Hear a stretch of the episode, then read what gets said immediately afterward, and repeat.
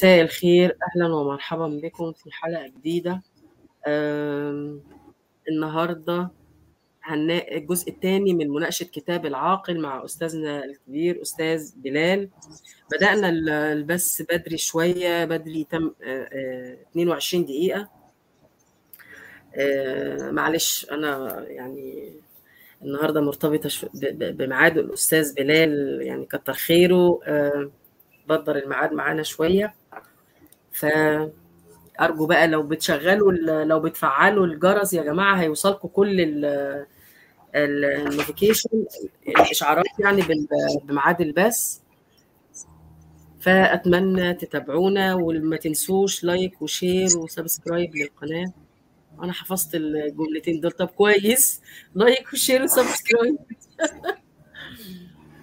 خلينا نبتدي بعد ما نرحب طبعا بأستاذنا الجميل أستاذ بلال. أهلا بيك يا أستاذنا مرحبا ست سهيلة شكرا جزيلا على الدعوة. آه، أيضا يشرفني الحضور هنا على منصة آه، هذه القناة. آه بعقدة السابقة ما علينا. وقفنا المرة اللي فاتت لغاية هندخل بقى في الثورة. آه الإنسان لما ابتدى الثورة الزراعية والثورة الزنا- الصناعية. آه أنت اتكلمت في النهاية عن الثورة ال- الزراعية بس عايزين يعني نرجع عليها سريعا كده وبعدين نك- نكمل بقى ونشوف إيه اللي حصل فيما بعد داخل دفات الكتاب. اتفضل. نعم.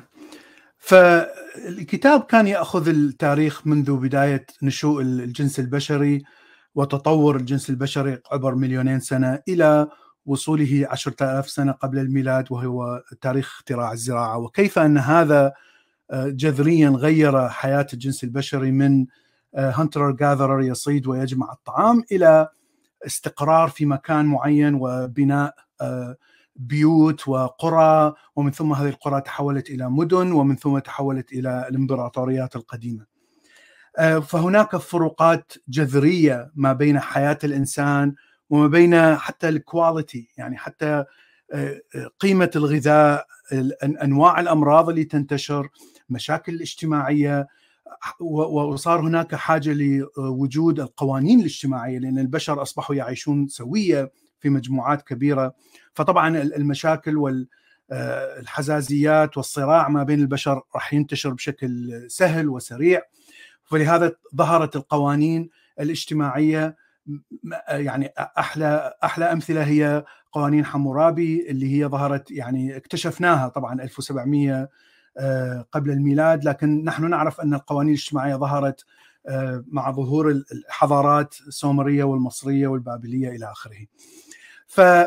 فالحضاره يعني التغيير الزراعي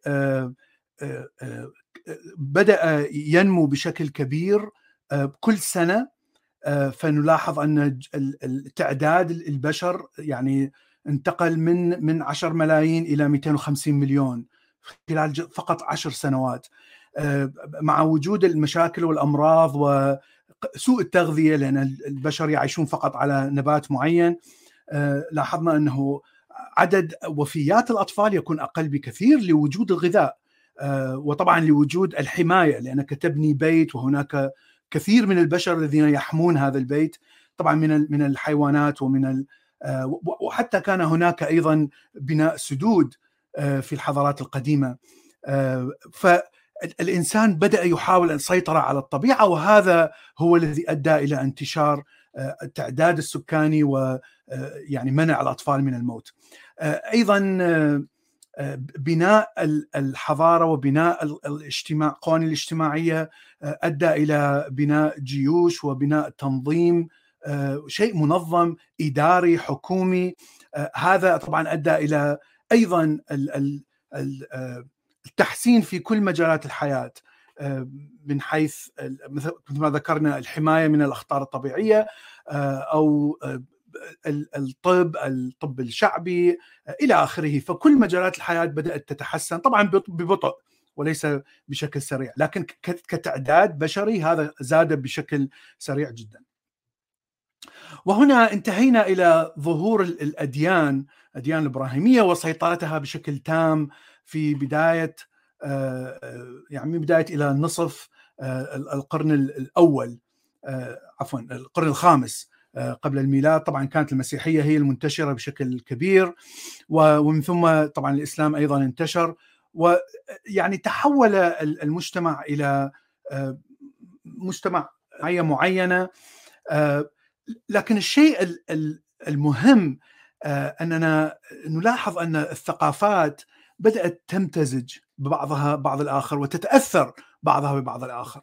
فكل ما تقدمنا بالزمن مثلا ما قبل اختراع الزراعه كان هناك آلاف من الثقافات البشرية وهذه الثقافات تتطور بنفسها فقط ولا يوجد أي اتصال ما بينها وبين الثقافات الأخرى.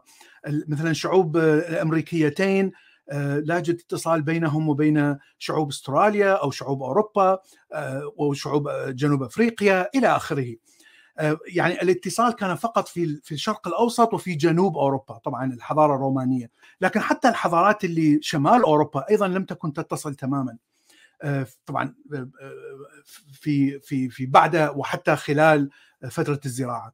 فتحولت من آلاف الثقافات المنعزلة إلى في فترة الزراعة العشر عشرة آلاف سنة تحولت إلى ثقافات ممتزجة. يعني أصبح هناك عدة مئات فقط من الثقافات المنعزلة وربما بضع آلاف. لكن يعني في منتصف مثلا القرون الوسطى في أوروبا 90% من البشر كانوا يعيشون تقريبا في في ثقافة عالمية. طبعا هناك اختلافات بين الثقافات اختلاف في أوروبا المسيحية والعالم المسلم لكن هناك تأثير مشترك ما بين الاثنين على الاثنين. فهناك كثير من الأمثلة. يعني وجود وصول مثلا الحرير من الصين إلى الدول العربية والهند وأوروبا الحرير لم يكن معروف. قبل قبل فترة الزراعة وحتى خلال تطور الزراعة. لكن لكن بدأ التجارة يعني آخر 2000 سنه أو آخر 200 سنة وآخر 500 سنة قبل الميلاد بدأت التجارة يعني تزدهر ما بين الشرق والغرب. ف مثلا ظهور الخيول عند ثقافة الناس الأمريكيين الأصليين هنود الحمر. يعني هم لم يكن لديهم خيول قبل وصول الإسبان والإنجليز إلى أمريكا الشمالية لكن لاحظنا بعدها الخيول صارت جزء يعني عميق من ثقافتهم وفلسفتهم الروحية مع أنها لم تكن موجودة يعني فترة طويلة. فالثقافات تأثرت بشكل جذري بينها وبين الآخر بوجود هذا الاتصال بين الحضارات. الشيء الآخر الذي طور هذه الثقافات الذي يدفع بالتغير والتطور هو وجود التناقضات داخل هذه الثقافات.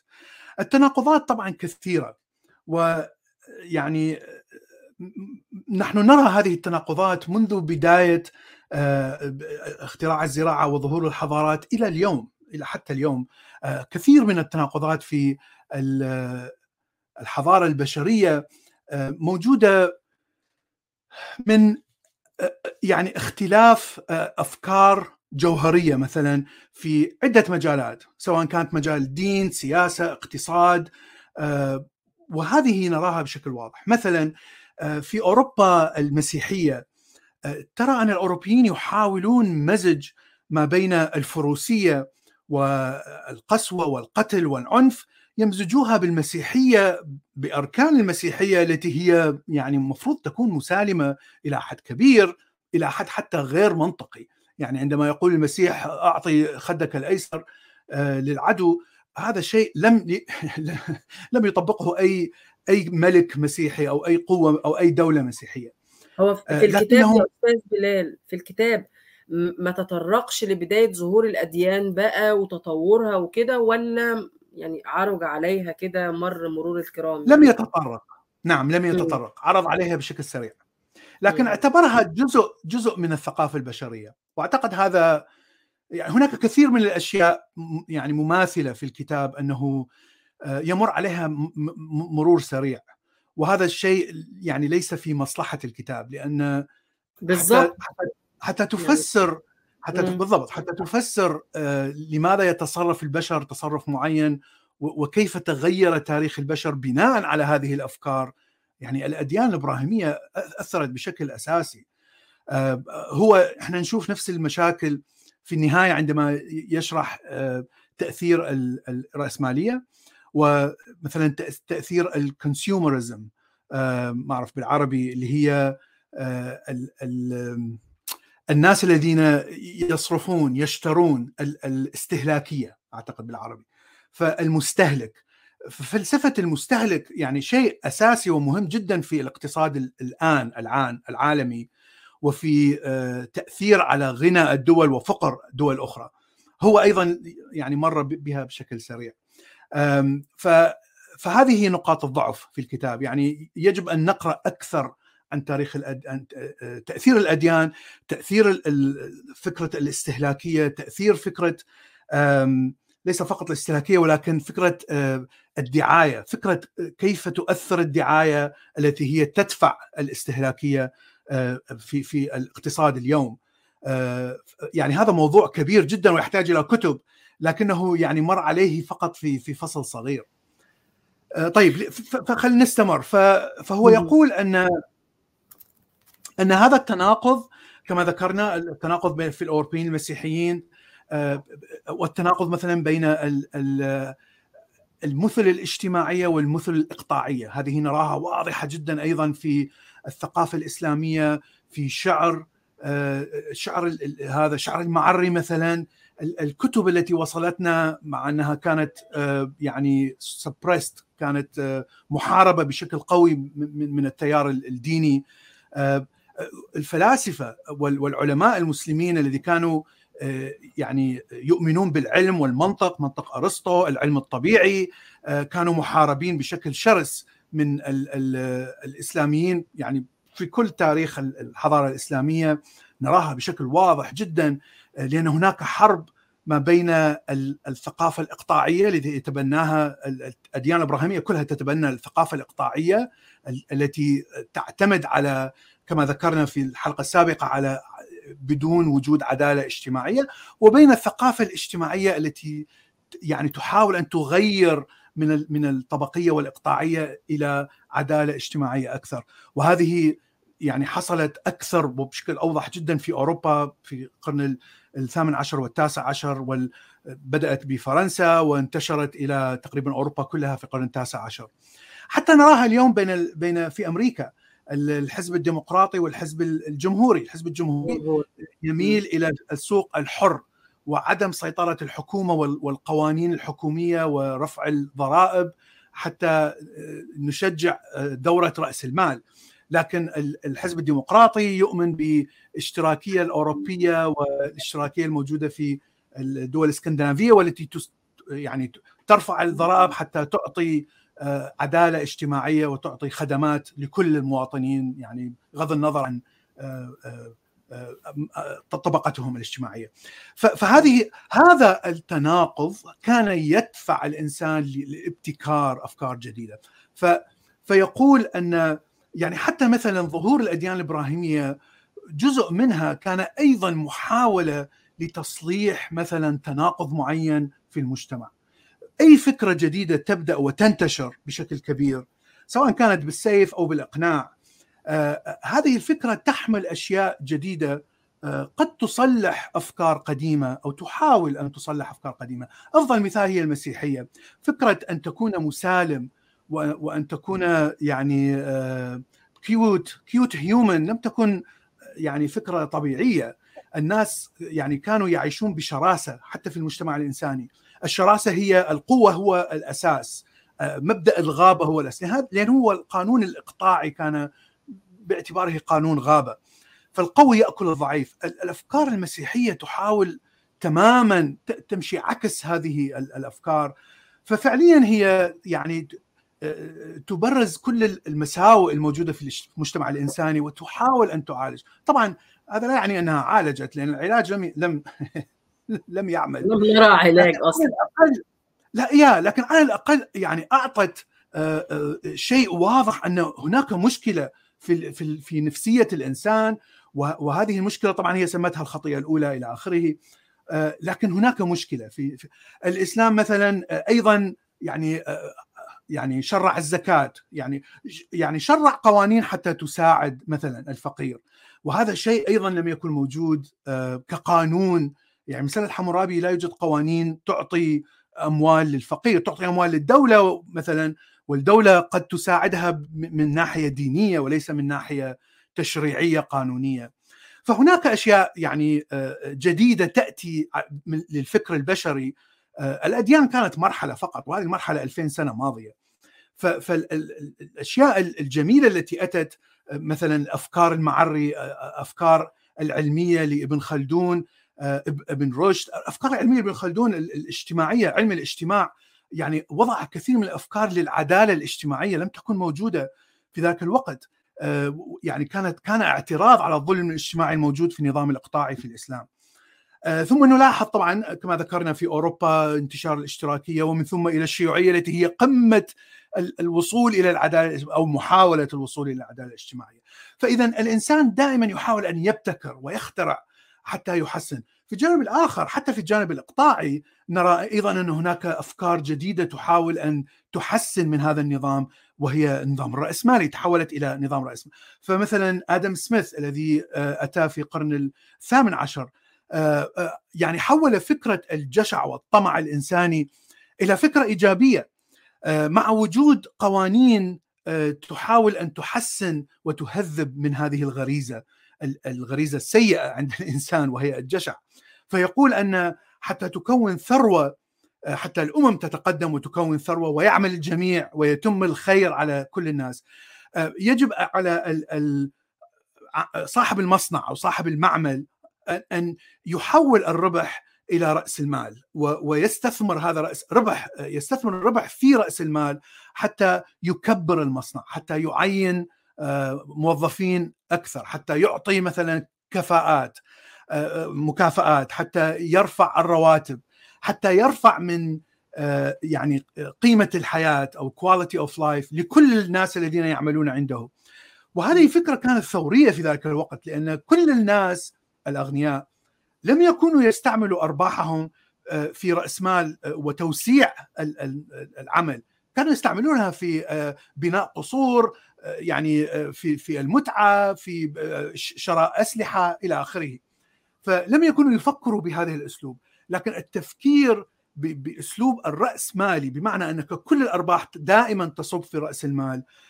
هذه الفكرة كانت تحويل جذري في النظام الإقطاعي إلى نظام إيجابي أكثر يساعد الطبقة الفقيرة ونقلها من طبقة فقيرة إلى طبقة متوسطة. هذا لا يعني أن أنا يعني يعني س يعني سننجز العدالة الاجتماعية لكن لكن طبيعي أفضل بكثير من النظام الإقطاعي الذي كانت عليه الأديان الإبراهيمية. فإذا النظام الاقتصادي أيضا تحسن بشكل كبير من من الناحية الأخرى الناحية الرأسمالية وهذه التناقض الموجود لحد الآن طبعا عند البشر الظلم ما بين العدالة الاجتماعية وما بين الراسمال والغريزة البشرية لحد الآن موجود ويدفع دائما بالابتكارات وهذا شيء يعني عظيم جدا نلاحظه لحد الآن. طيب هناك ثلاث أشياء أساسية حدثت في ما قبل الثورة الصناعية والثورة العلمية وهي طبعا حدثت في أوروبا ابتداء من في إيطاليا بالتحديد في القرن الخامس عشر. القرن سوري القرن السادس عشر. الثلاث أشياء الأساسية هي تغير فكرة المال أو فكرة الاقتصاد. والشيء الثاني هو التغير السياسي الفكرة الإمبريالية الحكومات الإمبريالية. والشيء الثالث هو الدين. طبعا الدين مثل ما قلت مع الأسف يمر عليه بشكل سريع. فهو تقريبا يعني يترك 1500 سنة من التاريخ من وصول الإسلام مثلا إلى أو ألف سنة إلى حدوث الثورة العلمية والصناعية. ويتكلم عنه شذرات يعني لا لا لا يركز عليه بشكل خاص. فطبعا هذه ثغرة في الكتاب. لكن الشيء الجميل أنه يحاول أن يشرح تطور مثلا النظام الاقتصادي ونظام النقود. نظام النقود طبعا نظام مهم جدا، يعني في السابق كان الإنسان وقت يعني فقط يتعامل بالتبادل. وحتى التبادل لم يكن بشكل مستمر. تبادل السلع. أنت عندك بيض وأنا عندي yeah. تفاح انت عندك لبن وأنا عندي خبز yeah. وهكذا قمح أو. هذا النظام بدأ مع وقت الزراعة. لم يبدأ مع وقت ال hunter gatherer لأنه hunter gatherer لم يكونوا يعيشون في مجتمعات يعني متقاربة. ولهذا ربما كان هناك تبادل لكن ليس كثير. الشيء أصبح التبادل شيء أساسي في بداية أول 5000 سنة من من الزراعة. طبعا التبادل ليس شيء سهل لأنك يجب أن تعرف قيمة الرز نسبة إلى قيمة التفاح وقيمة التفاح نسبة إلى قيمة الملابس. فأصبح شيء معقد جدا يعني بعد عدة آلاف سنين. ولهذا كان هناك حاجة لوجود سلعة واحدة تستعمل كأساس للتبادل. وهذا ما حدث عند السومريين قبل 3000 سنة. استعملوا البارلي الشعير كعملة أساسية. فكل إنسان يحاول أن يشتري شيء يبدل هذا الشيء بشعير ومن ثم يبدل الشعير بشيء آخر. طبعا هذا استمر لعدة آلاف سنين. لكن طبعا استعمال الشعير ليس أيضا شيء سهل لأنك يجب أن تأخذ يعني كميات كبيرة من الشعير حتى تشتري بيت مثلا. فهذا طبعا لم يكن شيء منطقي وسهل. ولهذا بدل الشعير بعد فترة بأشياء صغيرة أشياء مادية بقت مادية وليست أشياء معنوية مثل النقود الآن. لكنها أشياء ليس لها قيمة معنوية مثل الصدف أو الشل يعني صدفة البحر. فهذا الصدفة هاي استعملت بشكل واسع جدا في أفريقيا وفي آسيا وحتى في جنوب شرق آسيا في لمدة عدة آلاف سنة. ف وكان الناس يجمعون هذه الصدف طبعا من من من السواحل ويستعملونها كأموال. وإلى حد الآن كانت كانت هذه الفكرة. طبعا عندما بدأت الحضارات بالنمو الحضارة البابلية المصرية الأكادية إلى آخره الأشورية بدلت هذه الصدف والبارلي الشعير بمعادن ومعادن ثمينة تستعمل إما في صناعة أسلحة في صناعة مواد في صناعة حلي فظهر الذهب والفضة.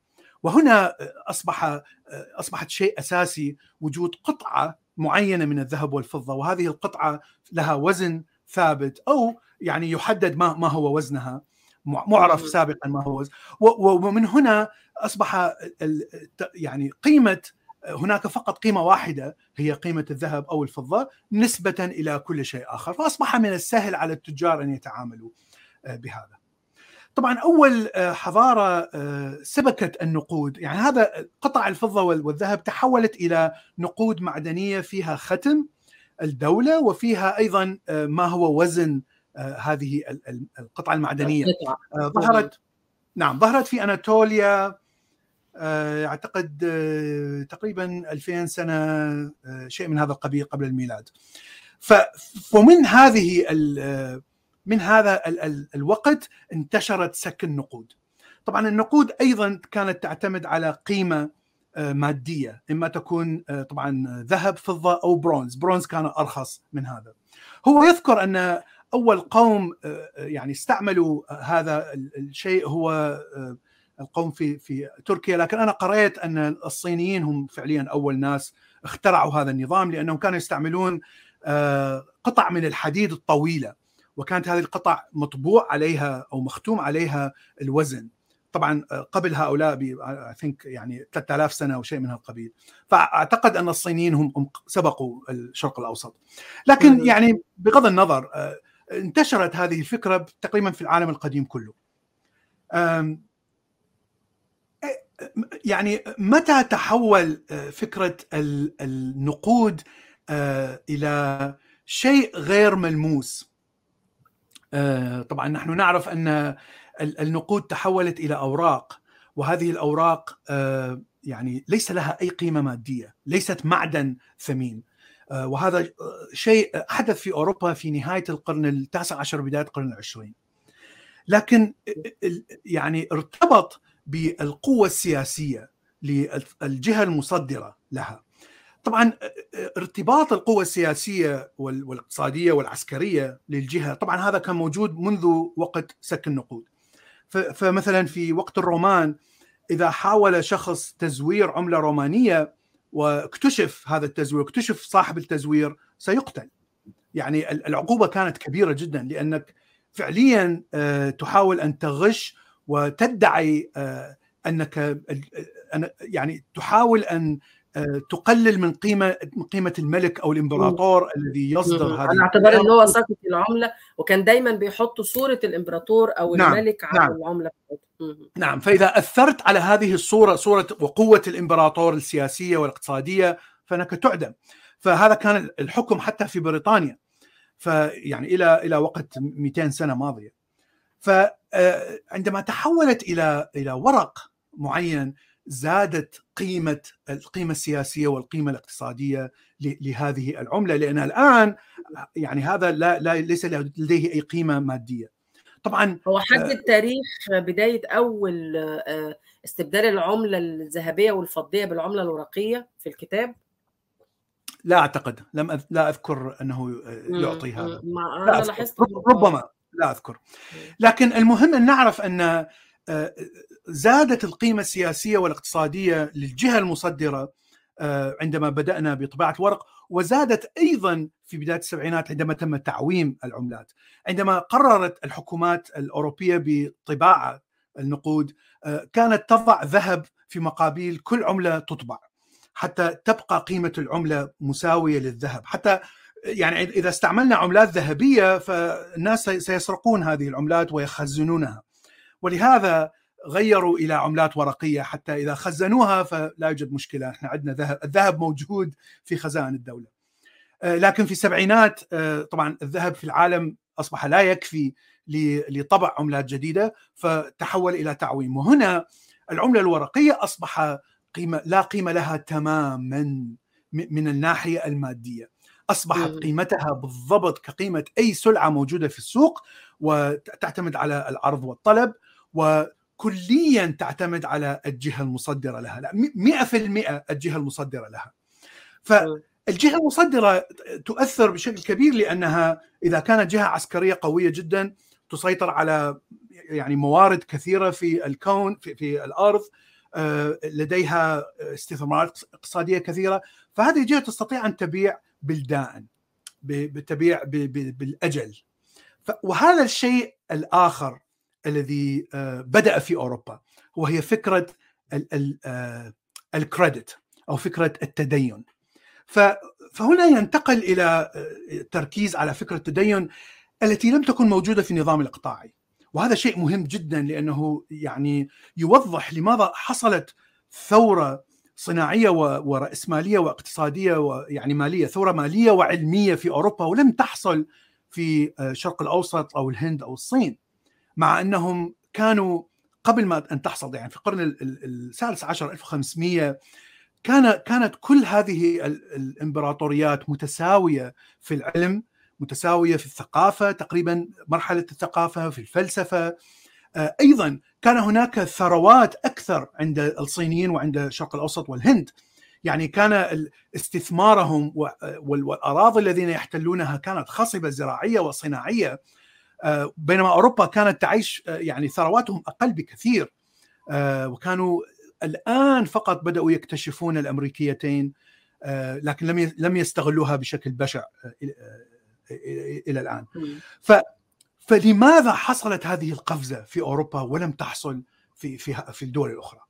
فيقول هذه القفزة حصلت في لمبدأ التدين مبدأ يعني أنا أستطيع أن أستثمر بشكل تدين. أنا صاحب المال يعطي أموال للمستثمر أو لصاحب العمل على أساس أنك ستعطيني ربح هذه الأموال أو أو يعني ترجع لي هاي الأموال مثل ما هي مع نسبة فائدة. مع يعني فايدة. إما أن أشترك معك في الأرباح وهذه فكرة السوق والأسهم والسوق الاقتصادية والذي بدأت يعني صدق أو لا تصدق. بدأت في هولندا منذ تقريبا 1600 يعني منذ القرن السابع عشر فكرة مم. الأسواق المالية والبورصة موجودة في هولندا. أو أنت تدين بفائدة لكن هذه الفائدة ليست عالية جدا. فالفائدة كانت موجودة طبعا في النظام الإقطاعي لكنها لا ترحم. يعني فائدة مجرمة بشكل كبير ولا أحد يستطيع أن يستثمر أموال تجارية. الفائدة كانت الديون كانت تعطي لناس فقراء وإذا لم يستطيعوا أن يسددوا فسيتحولوا إلى عبيد. فكانت الفكرة من من إعطاء اللون حتى أستطيع أن أغتصب الناس وأحولهم إلى عبيد. فكان استغلال. لكن فكرة البنوك وفكرة مؤسسة البنك وفائدة البنك يعني غيرت هذه الفكرة تماما وتحولت إلى فائدة بسيطة أبسط بكثير من الفائدة القديمة. ومع أنها ممكن أن تكون فائدة مركبة لكن إذا كان الاستثمار مربح فانت تستطيع فعليا أن تدفع الأقساط على مدة معينة 20 سنة 50 سنة وتدفع كل هذا وتتخلص من سيطرة البنك. فهذا الشيء بدأ بدأ يحصل في هولندا، لماذا لم يحصل في في الامبراطوريات الأخرى؟ لأنهم كانوا على نفس النظام الإقطاعي ولأنهم يعني كانت ثرواتهم كثيرة. لم لم يكونوا يحتاجوا إلى جلب سرقة مثلا أموال من من قارات أخرى. لم يحتاجوا إلى لأنهم موجودة الثروات عندهم كانت موجودة. فالحاكم لا يحتاج إلى جمع الأموال واختراع نظام بنكي واختراع نظام بورصة. الحاكم غني جدا. هناك طبقة غنية طبعا نظام إقطاعي طبقة غنية مسيطرة على كل الناس الأغلبية فقراء. والنقود والمال كان يأتي بشكل مستمر لوجود كل هذه الثروات من من من عايز أسأل حضرتك سؤال سؤال جانبي كده. هل تعتقد إنه هل يوجد علاقة للدين ب ارتباط يعني بوجود طبقة الإقطاعيين وهي صغيرة جدا وطبقة الفقراء على اعتبار فكرة الرضا؟ وفكرة الدين كان بيدي حالة من تثبيط الهمم كده عند الفقراء إنه هو كده الدين بيقول لنا كده إن الدنيا درجات والجنة كمان درجات ومعظم سكان الجنة من الفقراء أو أول من يدخلون الملكوت فقراء أو تعاليم السيد المسيح إنه كل صاحب مال ماله هو عصرة في طريقه لدخول الملكوت. فده كان بيدي حالة من الرضا للفقير عن عن حالته المادية في رأيك؟ أكيد. إحنا ذكرنا هذا الشيء في الحلقة السابقة. نعم.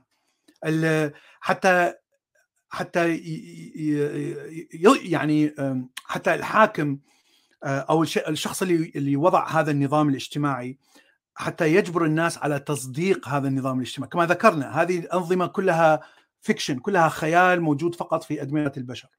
فحتى يستطيع أن يقنع كل الناس بهذه القصة أو هذه الفكرة يجب ان أن يجبرهم في البداية.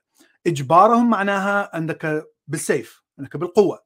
لكن عندما تطور الدين وتطورت الروحانيات في نفس الوقت الحكام استعملوا هذه الأفكار في السيطرة. لأنك إذا تسيطر بشكل روحاني ديني مقدس إلهي عندما أقول عندما يقول حمورابي أن هذه القوانين أتت من الإله أنكيدو أو whatever فإن الناس سيخافون لأن هذا الإله هو الذي أنزل هذه القوانين وليست بشرية.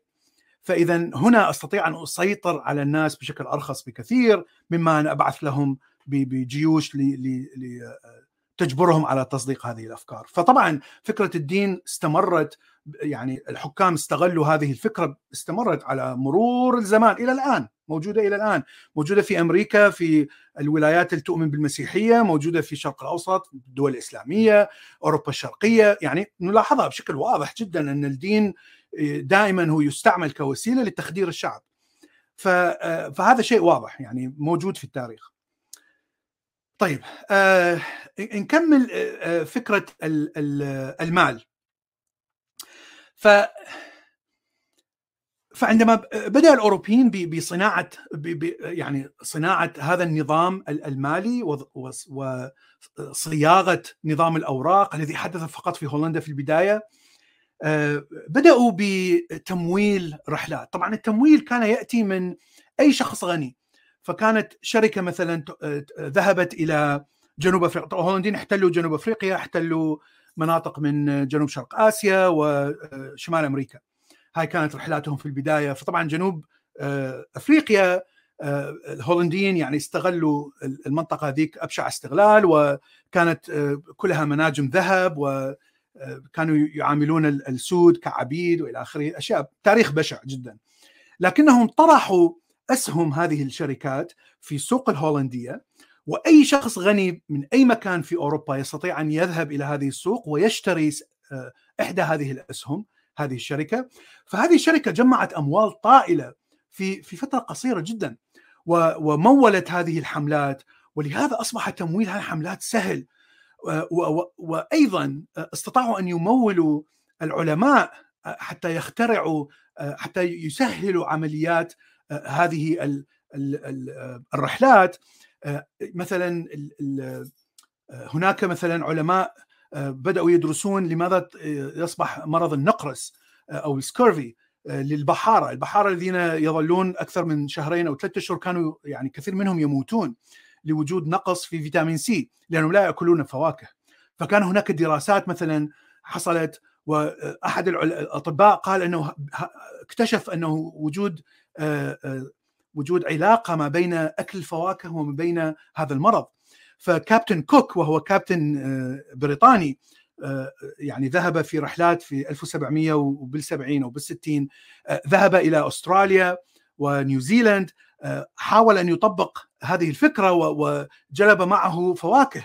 وفعليا لم يمت أي شخص من من طاقمه من من مرض النقرس. ولهذا عندما عاد أصبحت ثورة في يعني في فكرة فكرة أنه مرض ال scurvy أو النقرس نستطيع أن نقضي عليه وكان هذا شيء مهم جدا في هذه الرحلات التي تحاول أن تستغل الموارد الطبيعية. فكان العلم يوازي تطور العلم يوازي ويخدم هذه الفكرة الاستعمارية ولهذا كان سماها ال imperialist أو الحكومات الاستعمارية. الآن الحكومات الحكومة نفسها لم تكن مشتركة في في الاستعمار، يعني كل هذا الاستعمار كان من شركات أهلية. طبعا هذه الفكرة أنا لم أكن أعرفها قبل أن أقرأ الكتاب. هي هي طبعا هي فكرة موجودة إذا قرأت الاقتصاد وقرأت التاريخ، إذا تخصصت في هذا الموضوع. لكنه يعني وضحها بشكل جميل أن كل المستعمرات الأوروبية قاطبة وكل استغلالهم البشع إلى آخره تتتا كل هذا أتى من شركات أهلية في أوروبا. الدور القاسي والاجرامي الذي مارسته الحكومات أو الممالك الأوروبية هي حماية هذه المصالح. شيء طبيعي إذا كان عندي شركة بريطانية مثلا يعني تجلب كثير من المال للمملكة البريطانية فإنها تضرب يعني تدفع ضرائب كثيرة فحتى حتى أحمي مصلحة هذه الشركة يجب أن أستعمل القوة العسكرية. وهذا فعلا ما فعلته بريطانيا عدة مرات ليست مرة واحدة. يعني أبسط مثال في عندما صنعت أو أسست قناة السويس وحفرت الصرف صرف الأموال على العمال والتصميم وإلى آخره كان من بريطانيا وفرنسا. بعد موت الخديوي أول خديوي وحصول كثير من الديون على مصر حاول بعض المصريين يعني الناشونالست الوطنيين أن يثوروا على استغلال كامل من إنجلترا وفرنسا لكل عائدات قناة السويس. ففعليا حاولوا أن يعملوا مشاكل وإيقاف قناة السويس حتى تقف الأموال التي تذهب إلى إنجلترا. ملكة إليزابيث بعثت بجيش إلى إلى مصر في نهاية ال 1800 وسيطرت تماما على مصر. وقتها كانوا لما بي بيقرضوا أحد الدول بي وتعجز عن السداد بيروحوا يحطوا إيديهم. نعم. عكس نعم. طريقة صندوق النقد الدولي دلوقتي. نعم. آه شيء مثال آخر هو بيع الأفيون إلى الصين. هذا شيء كان منتشر بشكل كبير من التجار البريطانيين اللي كانوا يبيعون إلى الصين. هذا كلام بداية 1800 فعندما اكتشف الحكومة الصينية أن نصف شباب الصينيين مسطولين ولا يستطيعون أن يعملوا ويعني تخريب الاقتصاد. فمنعوا الأفيون وبدأوا بملاحقة تجار الأفيون. طبعا تجار الأفيون كلهم كانوا بريطانيين فاستعانوا بملكة إليزابيث. نفس الشيء حصل. بعثت بجيش آه، انتصر طبعا بسهولة على الجيش الصيني احتلت شنغهاي واحتلت هونغ كونغ ووقعت معاهدة مع الحكومة الصينية أن البريطانيين سيأخذون هونغ كونغ. والصين سيسمحون ببيع الأفيون. يعني مأساة فقط حتى تبقى الأموال في جيوب هؤلاء التجار وفي جيوب آه، المملكة. ويعني نرى أن مثلا أصبح استغلال بشع للموارد الطبيعية أيضا. مثلا في أمريكا كانوا كثير من الناس يصيدون طيور فقط لأن هناك ريش جميل جدا مثلا طائر التركي أو أو الديك الرومي.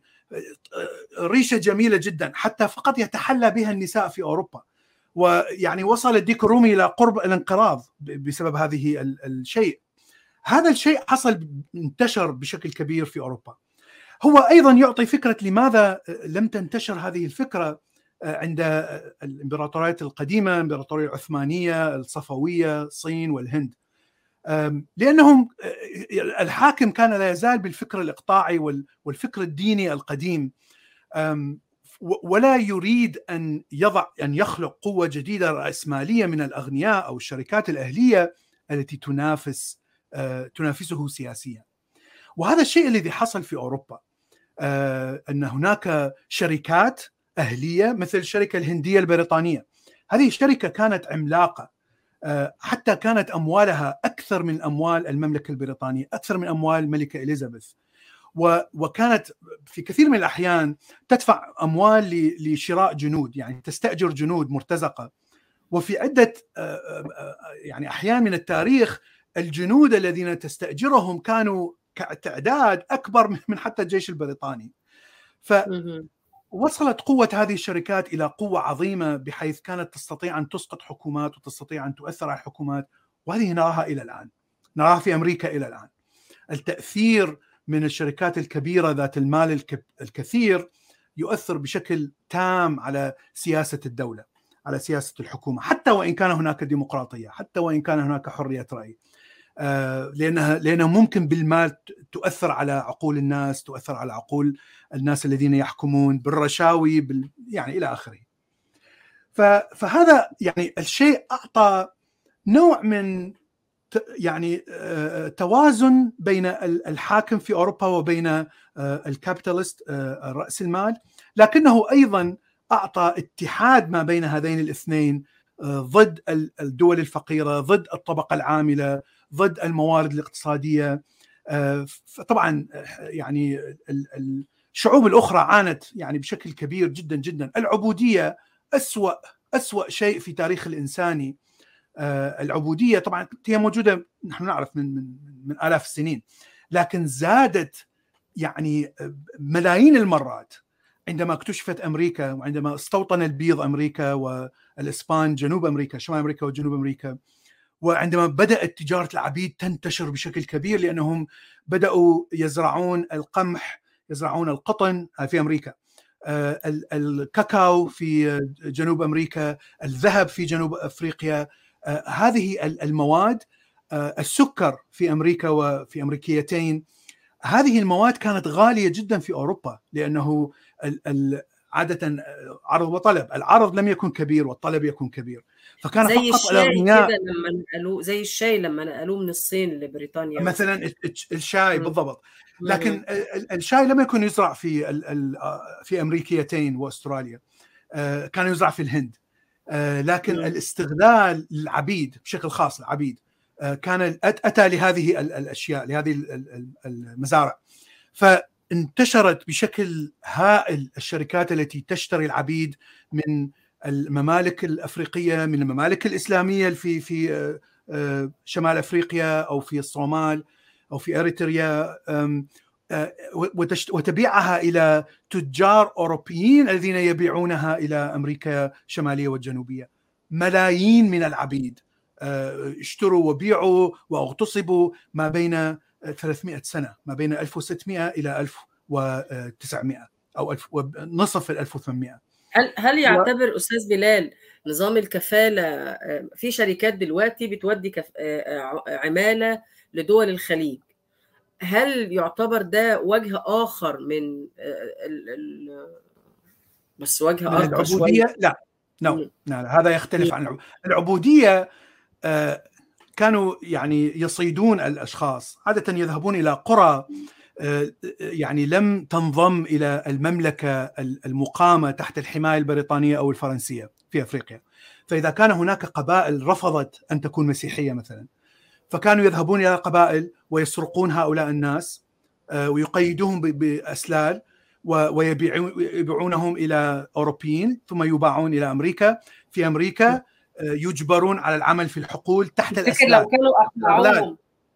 لو كانوا نعم. اقنعوهم انكم هتروحوا تشتغلوا بمقابل مادي كانوا هيرفضوا؟ لا لا لا. لا أعتقد كانوا كانوا يجبرون. لا أعتقد إنهم آه كانوا يعني. صح أكثر أكثر القصص اللي كانت عفوا. آه ده كان في صيد لل... للعبيد كان في صيد للبشر نعم نعم نعم. أنا أنا قريتها ب... ب... من تاريخ من شخص في نيجيريا كتب تاريخ العبودية. وكيف كان البريطانيين يصيدون ال... الناس في نيجيريا صحيح وكان في مسلسل شهير أفتكر في السبعينات آه, آه جذور.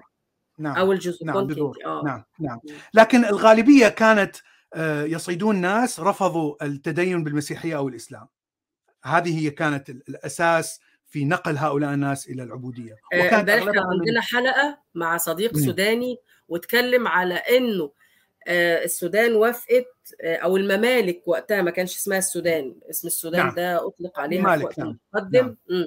نعم. كانت بت بتاخد ناس من عندها عبيد 2000 عبد تقريبا أو أكتر يدوهم للدولة الحاكمة علشان ما ما ي... آه ما ياخذون بعد يروح نعم. عشان. ما يدخلوش نعم. الدين نعم. المسيحي آه للسودان نعم نعم نعم نعم نعم نعم نعم, نعم. يا هي كلها الناس اللي رفضوا الدين الإسلامي والمسيحي هم هؤلاء الذين تحولوا إلى عبيد. ف يعني إحنا نعرف طبعا من من من كل التاريخ الذي سرد بالتاريخ العبودية يعني أن الإنسان الأوروبي عامل العبيد ابشع معاملة وكانوا يموتون بالآلاف ولهذا دائما كان هناك طلب على الم... لأنه إذا صرفت أموال طبية حتى تعالج تكون أغلى من أن تشتري عبيد جدد. فاقتصاديا أرخص أن تتركه يموت وتشتري جدد وهذا ما كان يحصل. حتى شركات هذه شركات العبيد كانت عندها أسهم في في البورصة الأوروبية. تخيلي إلى هذا الحد البشاعة. حتى الأوروبيين كانوا يعرفوا أن هؤلاء الشركة كانوا تبيع وكان أرباحها حتى تصل إلى 10% في السنة. يعني أرباح يعني هائلة من من من هذا الشيء. فالمشكلة أن ال ال الاتحاد ما بين الطبقة الحاكمة والرأسمالية لم تكن أخلاقية. لا يوجد أي مجال للأخلاقية. لأن الرأسمالية فقط تحاول أن تزيد من رأس المال. هذا هو هدف الرأسمالية. كهدف اقتصادي بحت. لا يوجد فكرة الأخلاق في المنظومة الاقتصادية. ومن جهة أخرى طبعا الحاكم هو إنسان جشع جدا. فقط يريد أن أن يبسط النفوذ ويزيد القوة ويحتل الفكرة الاستعمارية كانت موجودة يعني في أوروبا وحتى موجودة في العالم كله. الفكرة الاستعمارية أريد أن أحتل أراضي حتى أسرق خيراتها. ولهذا الشيء الذي لم يحصل هو ظهور الأخلاق وظهور القوانين الاجتماعية المعارضة. هذا لم يحصل يعني بشكل سريع في أوروبا. لكن حصل في نهاية ال 1700 وخلال ال 1800 خلال عصر القرن التاسع عشر. نحن الفرنسيين الثورة الفرنسية هي أول من بدأ هذه أنه الناس كلهم سواسية. حتى الإنسان الأفريقي في الحقوق في الحقوق والواجبات يعني كثير من الأفكار ادعت أن أن الناس متساويين لكنها لم تطبق. الدين يدعي أن خاصة الاسلامي يدعي كل الناس الدين المسيحي أيضا يدعي الناس كلهم كأسنان المشط. لكن طبعا هناك طبقات في في هذه الأديان وهناك عبيد وأسياد وإلى آخره. الامريكي الدستور الأمريكي الذي أسس في نهاية 1700 يقول أن كل الناس سواسية لكن يعني يعتبر المرأة والجنس الغير أبيض الغير مسيحي هو طبقة ثانية ليس لهم يعني حقوق كثير من الحقوق غير غير متوفرة لهم منها حق الانتخاب. فكثير من الدساتير يعني ادعت بوجود العدالة لكن لم تطبق. الثورة الفرنسية ادعت وطبقت هذا الكلام. يعني طبقته بشكل دموي ربما في البداية لكنها كانت الأساس. هذه هي النواة للعدالة الاجتماعية. وطبعا أخذت من من كثير من المفكرين جان جاك روسو وكثير من المفكرين الفرنسيين الذين أثروا بشكل كبير على معارضة الظلم الاجتماعي. طيب ونحن نعرف طبعا أن العدالة الاجتماعية وصلت بشكل بطيء في نهاية القرن العشرين وبداية القرن العشرين أصبحت التغييرات الاجتماعية في في أوروبا على الأقل إلى الآن. الآن عفوا الآن هو يتحدث عن الثورة العلمية والتي كما ذكرنا وازت هذه الثورة الصناعية في أوروبا. الثورة العلمية طبعا نحن نعرف إنها بدأت في إيطاليا وبدأت ب محاولة استقلال الإنسان المفكر العالم أو المخترع عن الدولة أو عن الشخص الغني. عادة الشخص الغني يكون الشخص الإقطاعي أو هو نفسه الشخص الحاكم. فيعني من سابق هذا التاريخ وسابق ال 1500 إلى 1600 كان فقط الملك هو الذي يقرر إذا كان يعني يرعى العلماء أو لا يرعاهم. وهذه نراها بالتاريخ الإسلامي واضحة جدا. ترى ملك إشبيليا أخذ ابن ابن رشد في تحت جناحه اقتنع مثلا بأفكاره. ترى أن انتشار الأفكار العلمية بدأ يحدث في في في إشبيليا وغرناطة إلى آخره. ابن رشد يكتب كتب عظيمة علمية. لكنه يت... بعد بعد ذلك الملك يتأثر بالاسلاميين والأصوليين والسلفيين ومن ثم يعني تراه يطرد ابن رشد و يعني ينفيه في بيته إلى ان إلى أن يموت. تحرق كل الكتب إلى آخره. فقط جزء من هذه الكتب هرب إلى أوروبا. تخيلي كتب ابن رشد هو كتب يعني كثير عشرات الكتب. فقط أربع كتب نجت بالعربي والكتب الثمينة العلمية غير موجودة بالعربي موجودة فقط باللاتيني لأنها ترجمت في أوروبا في فرنسا. فتشوفين المأساة التي كانت يعيشها النظام الإقطاعي. لأنها مزاج الملك. إذا الملك صار عنده مزاج يعني يرعى الفلاسفة والعلم ترى الفلسفة والعلم مثل ما حصل مع الأمين والمأمون أو الرشيد. بعد هؤلاء بعد المأمون والرشيد الخلفاء الذي بعدهم كانوا أغبياء كانوا يميلون إلى إلى السلفية والدين وإلى آخره فأصبحوا يحاربون الفلاسفة. ف هذه كانت مشكلة في الإقطاعية ولهذا العلم لم يتطور بشكل سريع. يعني كان يتطور ببطء شديد جدا جدا جدا حسب المزاج الملكي. في إيطاليا في ذلك الوقت كان هناك كثير من الممالك كانوا كعشرات الممالك. وكل هذه الممالك كانت يعني تحاول أن تجذب هؤلاء العلماء والمفكرين وتغدق عليهم بالأموال حتى يخترعون. طبعا أشياء تفيد التجارة تفيد الصناعة. يعني كان هي فائدة فائدة مادية بحتة فقط. لكن شيء ما حصل بحيث ليس فقط الأمير أو أو الإقطاعي لكن حتى الغني أصبح يريد أن أن يدفع أموال للإنسان المخترع المبتكر العلمي. وبعد مئة سنة بدأت جامعات بالإنشاء بدأ الشخص الإقطاعي أو الملك ينشئ جامعات. وهذه حصلت أيضا في إيطاليا حصلت في هولندا. إيطاليا وهولندا أيضا يعني أخذت المسار الكبير عن أوروبا. وحتى كان هناك حرية. رأي في 1600 في هولندا. فسبقوا أوروبيين تقريبا ب 100 سنة. فحريه الرأي هذه أيضا أعطت شيء كبير لكل العلماء أن يذهبوا إلى هولندا ويبدأوا بنشر كتبهم. سبينوزا مثلا استطاع أن ينشر كتابه الفلسفي الذي ينقد التفكير الديني الرجد التفكير الديني الحجري. ويحاول ان أن ينتقل إلى فكر إنساني أكثر مما هو ديني وقبلي وعشائري. استطاع أن يكتب هذا في هولندا فقط. لا يمكن أن يستطيع أن ينشر لأنه نشره في في منتصف 1600 ف هذه ال ال الأشياء التي كانت في أوروبا هي التي أدت إلى تقدم العلم بشكل سريع جدا وليس بالشكل البطيء الذي كنا نراه في التاريخ المسبق. أيضا اكتشاف العلم للتناقضات مع الدين وطبعا الفكر الفكر اليهودي اللي هو فكر مسيحي ومن ثم ربطه مع فكر أرسطو والترجمات للفكر الإسلامي وأيضا ربطه مع أرسطو. هذا الفكر العلمي المتحجر الذي هو طبعا 2000 سنة ماضية أصبح يحارب من من من خلال الأفكار العلمية الجديدة. مع أنه وجود حرب من الكنيسة لكن كان هناك ممالك في ذلك الوقت في 1600 انفصلت تماما عن الكنيسة عن عن الباب عن البوب أو عن الكنيسة الكاثوليكية. ولهذا كانت تمارس كانت تعطي حرية للأفكار نكاية بال بال بالكنيسة الكاثوليكية. فكانت هناك حرب سياسية ما بين البروتستانت والكاثوليك ونتيجة لهذا استفاد العلم استفادت حرية الرأي والحرية العلمية. والبروتستانت يعني قبلوا هذه الأفكار أنه ممكن أن نغير من الاعتقاد القديم المسيحي لأنه كان بناء عن أرسطو وعن العهد القديم وليس بناء عن عن كلمات المسيح كلمات المسيح نفسه.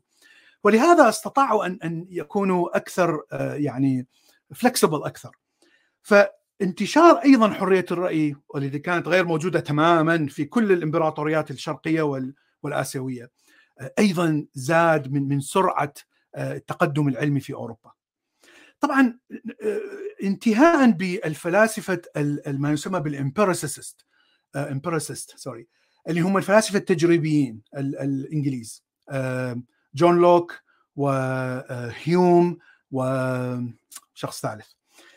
طبعا هيوم هو أهم هؤلاء الفلاسفة وهؤلاء بدوا بال 1600 وانتهوا إلى نهاية 1700 هيوم وضع نعم وضع أساس للتجربه نقل المعرفة بالتجربة العلمية فقط. أنا لا يمكن أن أصدق بأي معلومة من أي شخص إذا لم يكن هناك إثبات بتجربة علمية. وهذه يجب أن تكون يا يجب أن تكون مكررة من عدة ناس وليس شخص واحد. ويعني يعني أخذها إلى اكستريم إلى آخر حد ممكن.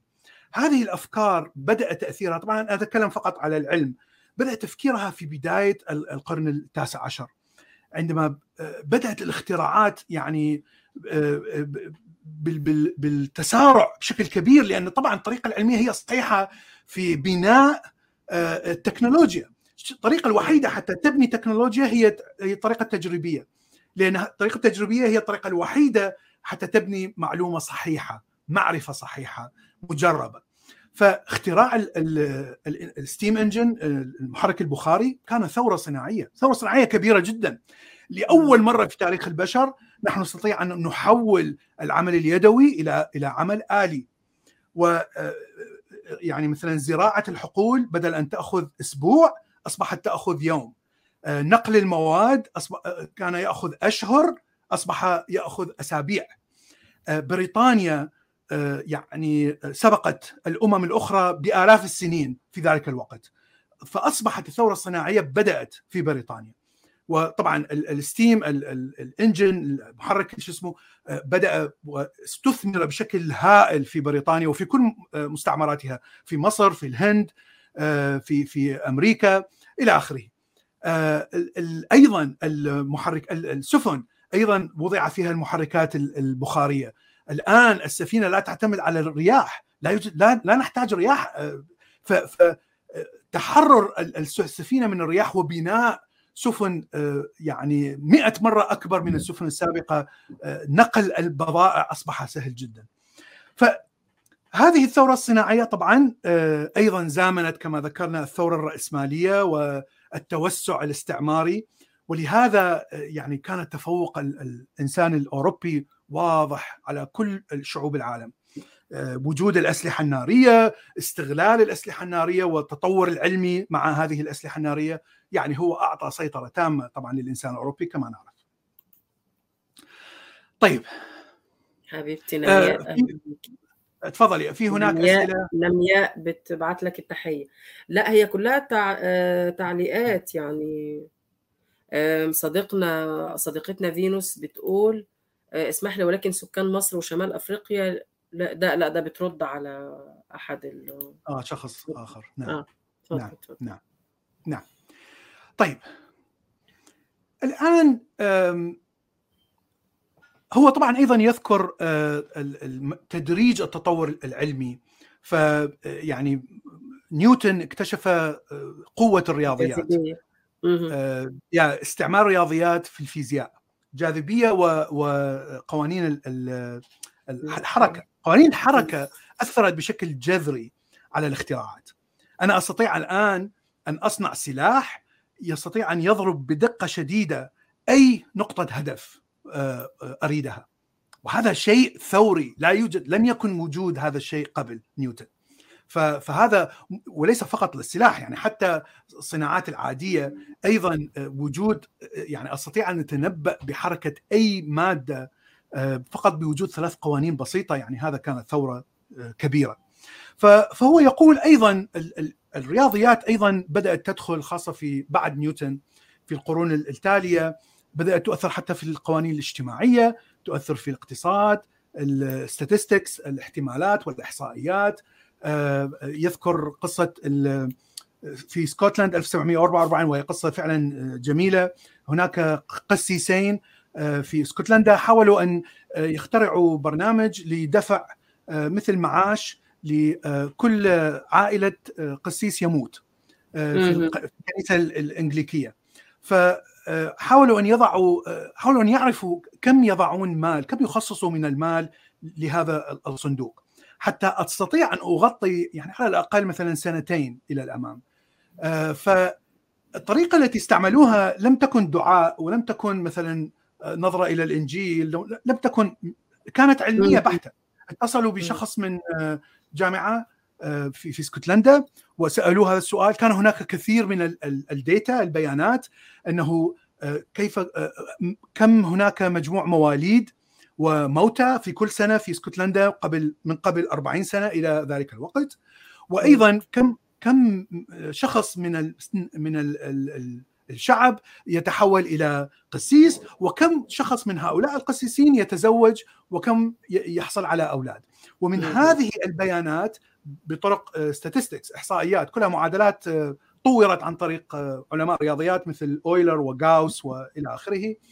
آه، آه، أعطى لهم projection أعطى لهم estimation أنه تقدير أنه ال ال إذا إذا وضعتم كذا مبلغ فإذا كذا شخص سيموت بشكل معدل طبعا كذا شخص سيموت كل سنة وإذا نظرنا إلى يعني آه، تقريبا إلى 20 سنة قادمة المعدل سيتغير بهذه الدرجة.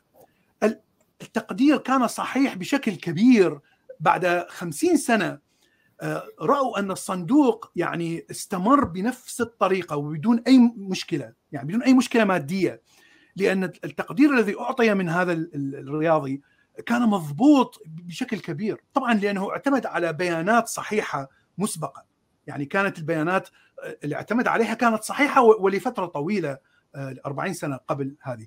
فيعطيك قوة العلم في آه، في تدبير القوانين الاجتماعية ومساعدة في آه،. علوم عن الاجتماع طريق استخدام الرياضيات وكذا نعم نعم آه طيب ف تأثير. نعم تفضلي تأثير الثورة الصناعية على تطور آه، آه، البشر وهل حصل محاربة من الجانب عايزة أقول لك إيه من جانب الدين أو رجال الدين أو سدنة الأديان. نعم. نعم نعم. هو يذكرها؟ نعم نعم. هو يذكرها بصيغة يعني شوية تختلف. يقول أن العلم أوضح أن الإنسان لا يعرف. يعني وأعطى إثبات تجريبي. أن الإنسان لا يعرف. ده وهذا ده شيء رد أو تحدي لل- للإجابات وهذا المعلنة الشيء الجاهزة بالضبط. مم، من قبل هذا هو. نعم. هذا هو الشيء الجذري الذي كان ضد الأفكار الدينية في ذلك الوقت. طبعا هي ليست فقط أفكار ال- الاديان الإبراهيمية لكن الاديان الإبراهيمية مع أفكار أرسطو. خليط. أرسطو آه، بدأ ال- الفلسفة الطبيعية فلسفة العلوم الطبيعية أنك تلاحظ الطبيعة وتسجل ما تفكر فيه وهذا شيء جيد. يعني لحد الآن نحن نتبع نفس المبدأ. لكنه افترض كثير من الأشياء ليس بناء على تجربة. فقط بناء على رأيه الشخصي آه، فكرة أن ال ال الإنسان والكون مكون من أربعة عناصر مثلا التراب والماء والهواء والنار هذه خرط يعني, يعني على أي أساس أنك افترضت هذا؟ افتراضه كان على أشياء آه، يعني غير صحيحة وغير مؤكدة. ف فلهذا آه، الفكرة أن العلم يوضح جهل الإنسان كان تأثيره كبير كبير جدا على عقول العلماء والمثقفين وحتى الملوك آه، في أوروبا. وهنا بدأت الحرب المنتظمة ضد الكنيسة والأفكار القديمة. وطبعا من جهه أخرى الكنيسة حاولت أن تحارب بشكل شرس جدا في بداية القرن السابع عشر الثامن عشر حتى التاسع عشر.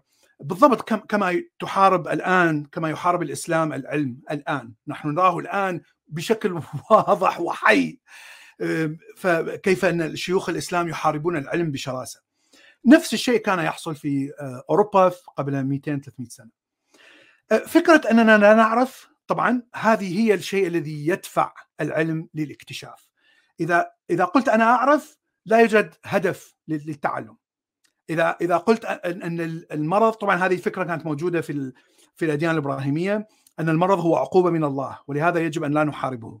يعني فكرة غبية جدا لكن فقط أنك تذكر الله وتذكر القدسية الناس يخافون من من فقط الفكرة أني أحارب المرض.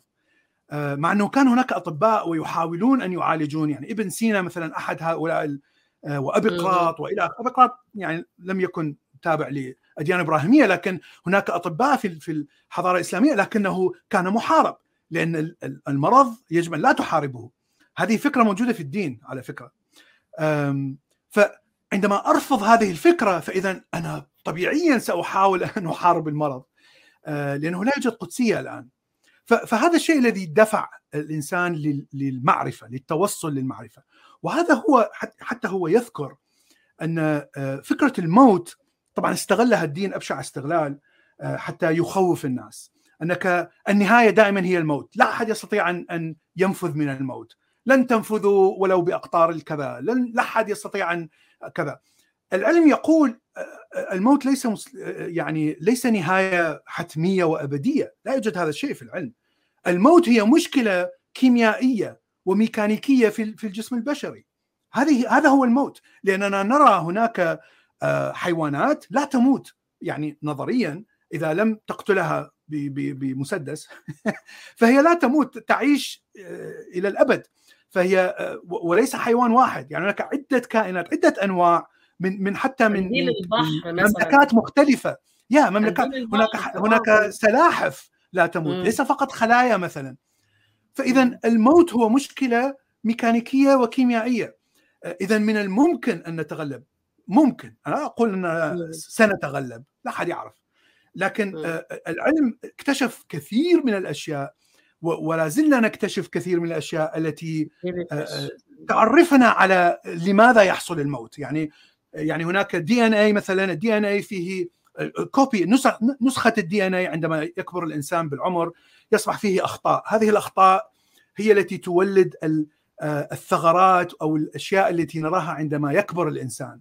ويضعف الكفاءة العضو اكتشاف الجي ان اي هو تنسيخ الخلايا لأن كل كل جسم الإنسان دائما يعوض بخلايا أخرى. يعني ما عدا آه، أعضاء قليلة جدا مثل الدماغ، الدماغ، الكلية هؤلاء لا تعوض. مثلا.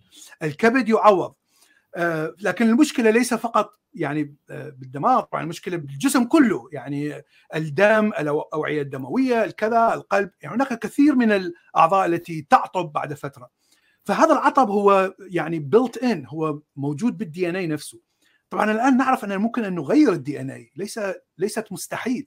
استطعنا أن فعليا نغير DNA حيوانات فقط ليس إنسان ونحسن من من إما ذكاء الحيوان ذاكرة الحيوان حتى تجارب على الفئران. حتى هناك جين آه، بالحيوانات ال voles. لا أعرف شنو هو ال vole بالعربي ولكنهم أحد آه، الحيوانات اللي يشبهون السنجاب. آه، وهؤلاء الحيوانات هناك نوعين نوع يكون منوغمس نوع فقط يرتبط بأنثى أو ذكر يرتبط بأنثى واحدة فقط كل حياتهم. ونوع آخر يعني لا يوجد ارتباط بين يعني دائما أحد يخون الآخر وهناك يعني دائما تزاوج بين مختلف الأفراد كل سنة. لاحظوا هناك فرق جين واحد فقط هذا هو الفرق بين هذا النوع وهذا النوع نوع متقارب فمن الممكن ان أن نزرع هذا الجين عند النوع الذي لا يتزاوج بشكل زوجة واحدة ونحوله إلى vole يتزوج فقط بزوجة واحدة. يعني هذا تغير جذري في حياة ونوعية هذا هذا الكائن الحي. نستطيع أن نفعل ذلك يعني بعلم الأجنة أو علم الجينيتيك. اسم الكاتب ف... بعد إذنك أستاذي اسم الكاتب يا أستاذة نيمياء يوهال يوفال. يوفال نوح هراري نعم. الكاتب الإسرائيلي. نعم. طيب فإذا فكرة أن ال... وعنده ثلاث كتب على فكرة كتاب العاقل يا والانسان يا. الإله يا عنده عنده الإنسان الإله هومو ديوس آه يعني أنا أعتقد هذا الكتاب أهم يكون بكثير. تطرق عايزين نناقشه على فكرة لأنه أك... غالبا تطرق بقى للأديان أو خصص أو يمكن بعد النقد اللي حصل على كتاب العاقل لأنه في ناس كتير انتقدته. لأنه يا لم أنا بصراحة يتطرق يا مم. أنا بصراحة لم أقرأ هذا الكتاب لكن شفت كثير من تعليقات عليه مو تعليقات هو كلامه هو يعني كان يعطي مم. محاضرات كثيرة على هذا الموضوع فلم. لم تعجبني هذه الأفكار بصراحة يعني مم. يعني مم. يعني شوية شكيت بها لكن لكن قراءة الأفكار لا يمنع أننا نفكر بها ونناقشها طيب ال إحنا تكلمنا عن الكابيتاليزم. خلينا نمشي. طبعا هو أيضا يذكر مساوئ الرأسمالية وهناك عدة مساوئ واضحة جدا في الرأسمالية. آه، كما ذكرنا آه، تجارة العبيد الحروب كانت تعامل وكأنها عملة اقتصادية. فمثلا اليونان في نهاية القرن في بداية القرن التاسع عشر 1800 آه، حاولت أن تثور على الإمبراطورية العثمانية. فالإنجليز أعطوا أموال للثائرين اليونانيين لكنهم فتحوا شركة ووضعوها على أسهم على البورصة الإنجليزية والناس اشتروا هذه البورصة على أنها المقاومة ال- اليونانية ضد الأتراك. تخيلي. حتى ال- الحرب حولوها إلى اقتصاد. فطبعا الإغريق لم يستطيعوا يعني الأتراك قمعوا كل حركات المعارضة لكن الديون ظلت إنجلترا محتفظة بها طبعا. آه، عندما انتهت الإمبراطورية العثمانية في الحرب العالمية الأولى وحصلت اليونان على استقلالها اضطرت أن تدفع كل هذه الديون إلى بريطانيا لأن بريطانيا كانت إحدى الفائزين. ف يعني الشيء الواضح في النظام الرأسمالي هو المساوئ في النظام نفسه. طبعا هو أيضا يذكر حادثة مهمة في مساوئ كنظام بورصة نظام رأسمالي مالي بشكل خاص أن ممكن أن يكون هناك ببل ممكن أن يكون هناك فقاعة في البورصة والأسواق. وهذه طبعا تحدث دائما الآن يعني خاصة في أمريكا الاقتصاد يزدهر بسرعة خلال عشر سنوات ثم يتبطأ بسرعة خلال عشر سنوات الأخرى. فترى كثير من الشركات يكون لها قيمة كبيرة جدا ومن ثم يصير عندها انهيار شديد بالأسهم. لكن هو يذكر إحدى هذه أول أول أمثلة أو أهم أمثلة من من الزمن القديم. يقول هناك شركة كان اسمها لويزيانا شركة فرنسية. كانت فرنسا تحتل لويزيانا وتحتل نصف أمريكا النصف الوسط من أمريكا. آه هذه الشركة الفرنسية آه احتلت لويزيانا وانشات مدينة آه ولاية لويزيانا. يا كانت عفوا نسيت اسمها. هي المدينة الأساسية في لويزيانا نيو أورليانز. وأعطت طرحت أسهم هذه الشركة أن هناك يعني هناك كثير من الآثار وهناك كثير من الثروات والذهب والفضة والى اخره في في هذه المنطقة، طبعا هذه المنطقة هي فقط مستنقعات في جنوب أمريكا، يعني لا يوجد أي أي معادن فيها. لكن خدعت الجمهور الفرنسي وحتى خدعت الحكومة والملك الفرنسي بهذه الدعايات الزائفة. وفي في بداية 1700 آه، صعد سهم هذه الشركة إلى 10000 ليفر كانت ليفر العملة. لكن طبعا بعد عدة سنين لا يوجد أي أرباح لا يوجد أي شيء آه، يأتي من هذه الشركة فبدأت حالة الانحدار وبدأوا الناس يعني يحاولون يعني يرجعوا أموالهم فالناس اللي باعوا آه، أسهم من وقت يعني قبل ان أن يصير الانهيار حصلوا على بضع الأموال لكن أغلبية الناس خسروا كل شيء. وحاولت الحكومة الفرنسية ان أن تنقذ هذه الشركة لأنها كانت شركة مرتبطة بالملك نفسه، الملك أيضا كان عنده أسهم. فحاولوا أن يطبعوا أموال كثيرة من العملة الفرنسية حتى تنقذ ويشتروا هذه الأسهم، طبعا يعني نهائيا لا يوجد أي أرب... زيرو لا يوجد أي أرباح. فصار انهيار تام وفلست هذه الشركة وخرجت فرنسا بديون هائلة. الخزينة الفرنسية أصبحت فارغة تماما بسبب هذا الشيء. والعملة الفرنسية قيمتها هبطت بشكل كبير لأنه صار هناك يعني طباعة كبيرة وتضخم كبير للعملة الفرنسية. ويقول يعني الفرنسيين لم الاقتصاد الفرنسي والعملة الفرنسية ظلت لعشرات السنوات متأثرة بهذا بهذه المصيبة. فالاوروبيين وال يعني الأغنياء الأوروبيين رفضوا أن يستثمروا في أي شيء أي شركة فرنسية بعد هذا. لمدة طويلة. فاذا النظام الرأسمالي ليس بيرفكت يعني لا يوجد عالم لا يوجد نظام مثالي في في في في الاقتصاد. غريب إن يكون كاتب كاتب من أصل إسرائيلي وهم اليهود تقريبا مؤسسين يعني اليهود مقرضين للعالم كله فيهمهم النظام الرأسمالي يعني مش عارفة هو جه آه هو على على ذكر على ذكر نعم الاشتراكية نعم. والشيوعيه في الكتاب. نعم. هو هو يهودي طبعا نحن نعرف هذا. آه واليهود استفادوا من من نظام نظام التدين الإقطاعي. آه بشكل عام آه لكن ليس فقط اليهود. يعني كل إنسان عنده كان أموال وإقطاعي كان يستغل هذه الأموال حتى يستعبد الناس. ليس فقط اليهود. لكنه كان يستعمل اليهود لأنهم أذكياء بالاموال ولهذا طبقه الطبقه اليهودية أصبحت قريبة من من الطبقات الحاكمة وأصبح عندها ثراء.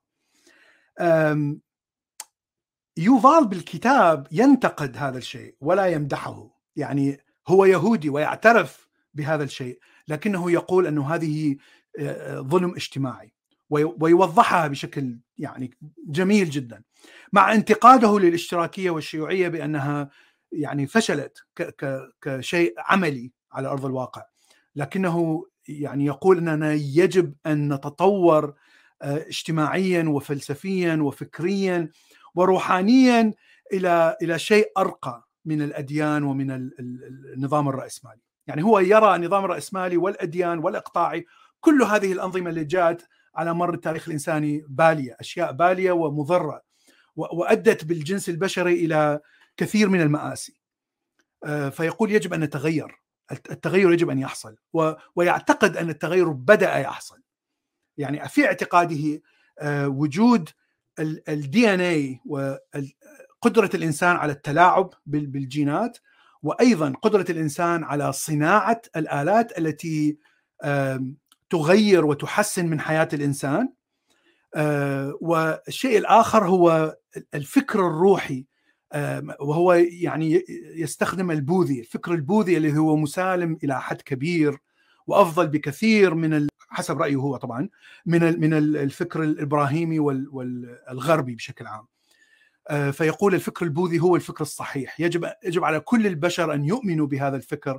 يعني لا تؤمن بالخرافات العلمية فيه لكن خذ منه الأفكار الروحية والأفكار النفسية لأنه فكر مسالم. ولا ولا يدعو إلى الكراهيه ولا يدعو إلى اختلاف طبقي ولا يساعد على يعني كل هالحروب والنزاعات بالعكس هو فكر مسالم بشكل كبير ويركز فقط على الإنسان وذات الإنسان وراحة الإنسان وليس راحة المجتمع ولا يهتم بالمجتمع. فهذا هو تفكير أعتقد هو هو إنسان ملحد يعني بوذي. أنا هذا الذي تفهمه بشكل واضح من الكتاب. فحتى وإن كان يهودي أو إسرائيلي فهو يعني يرفض الديانة اليهودية والأشياء البشعة التي أتت من الأفكار الديانة اليهودية. لكن الشيء آخر مهم يجب أن نذكره هو ال free market فكرة السوق الحرة. السوق الحرة هي الشيء الذهبي الفكرة الذهبية في الرأسمالية وهذه أيضا أدت إلى كما ذكرنا انقراض كثير من الحيوانات ادت إلى استغلال الموارد الطبيعيه ممكن أن تؤدي بنا إلى قطع كل الغابات و يعني انتهاء الإنسان إلى الانقراض لأنه يعني انت تقلل الأكسجين وتزيد من ثاني أكسيد الكربون. حصل حالة من تزايد الاحتباس الحراري الذي يحصل الآن. هذا كله نتيجة السوق الحرة. لا يوجد قيود على السوق على السوق ولا يوجد قيود على استغلال الموارد.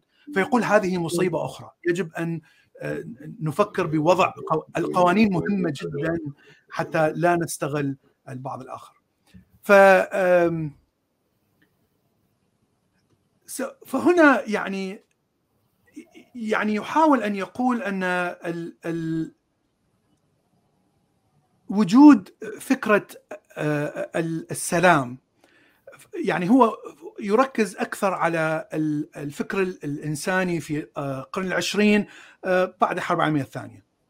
فيقول نحن نرى تغير جذري في الثقافه الإنسانية ويجب أن أن يعني نطرح هذه الفكرة بشكل واضح. لأن وخاصة طبعا أتت من الأفكار الاجتماعية العدالة الاجتماعية الأوروبية. فهذه الأفكار حولت الفكر الإقطاعي الرأسمالي الذي يحاول أن يدخل بحروب ويستغل وطبعا الفكرة الإمبريالية مع الرأسمالية حاولت أن تقلل من من اهميه لأنها لها لها تبعات ومآسي العبودية هي أحد هذه المآسي. وحولت فكرة الإمبريالية إلى فكرة اقتصادية. بدل ما أحتل هذا البلد أفتح أسواق هذا البلد. وأعطي بضاعتي إلى هذا البلد وأعطيهم مساعدات أعطيهم أموال. طبعا يجب أن يدفعوا لي هذه الأموال مع الفائدة مع قد أن تكون هذه الفائدة كبيرة لكنها قد تكون 5% عادة أعتقد البنك الدولي يضع 1 إلى 5% ف 5% ليست فائدة عالية جدا طب لكنها فائدة مركبة. فيستطيع بلد سكان هذا البلد الفقير أن يعني يعملوا عمالة يعملوا صناعة بمساعدة هذه الأموال. ومن ثم هذه الصناعة يستطيعون أن يردوا الأموال إلى الدول الغنيه هذا الشيء حدث حدث في كثير من يعني من التاريخ من حتى من الحرب العالمية الأولى إلى الآن. وهناك دول نجحت في هذا الشيء وهناك دول فشلت في هذا الشيء. لكن الفكرة المهمة أن بدل ما أن أحارب هذا الشعب فأنا فقط أعطيهم أموال وأجبرهم على شروط معينة أن يفتحوا الأسواق حتى أستفاد أنا كدولة غنية. وهذا فعليا الشيء الذي يحصل الآن من الدول أوروبا الغربية، أمريكا، إنجلترا، فرنسا ونراه يحدث من الصين وروسيا أيضا. الصين عندما تعمل مصالح مع أفريقيا يعني أنا هاي, هاي هذا الشيء حدث خلال 20 سنة الماضية يعني ليس شيء قديم فالصين مثلا عقد مع حكومة غانا أنها ستستثمر شركات صينية تستثمر الذهب وصناعة الأشجار قطع الأشجار وزراعتهم حتى نستعمل على نستعمل على الخشب من الأشجار على أن فائدة هذا الشيء عفوا لا لا ها الآن تذكرت. الصين يبنون جسور هذا الشيء. الصينيين يبنون جسور ويبنون مثلا سدود لدولة غانا على أن يأخذوا الأموال من هذه الجسور. طبعا إذا تعبر سيارة تدفع أموال يأخذوا الضريبة من الجسور لمدة 20 سنة. هذا كان هذا كان اتفاق. وفعليا الصينيين بدأوا هذا الشيء قبل 20 سنة. أنا رحت إلى غانا كزيارة وعندما ذهبنا إلى جسر رايت شخص صيني يأخذ أموال. قلت له لماذا هناك صيني يأخذ نقود؟ فشرح لي هذه الشيء. فقال لي الصينيين الآن موجودين شركات صينية موجودة في كل مكان. فايضا ترى البضائع الصينية منتشرة في أفريقيا بشكل كبير.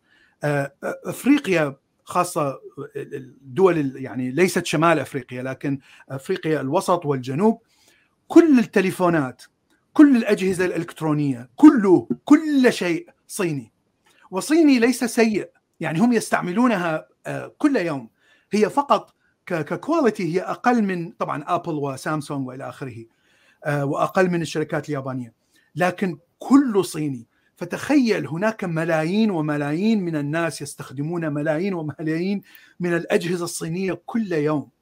هذا معناه أن الصين يعني عقدت اتفاقية مع كل هذه الدول الأفريقية انه يمدوهم فقط ببضاعة صينية على أن مثلا الاستثمارات الصينية فقط هي التي تكون موجودة في أفريقيا وربما يعطوهم ديسكاونت آه، إذا بنيت آه، جسر في, في أنه أعطيك مثلا نصف سعر إذا ما أتت شركة أوروبية تبنيه. فهذا هو الاحتلال الإمبريالي أو الاستعماري الجديد، هو احتلال اقتصادي. ونراها طبعا في كيف آه، كيف استغلت فرنسا مثلا الموارد في الجزائر؟ آه، فرنسا لم تنسحب من الجزائر وأعطت كل النفط والغاز للجزائريين. يعني هذا كلام ساذج.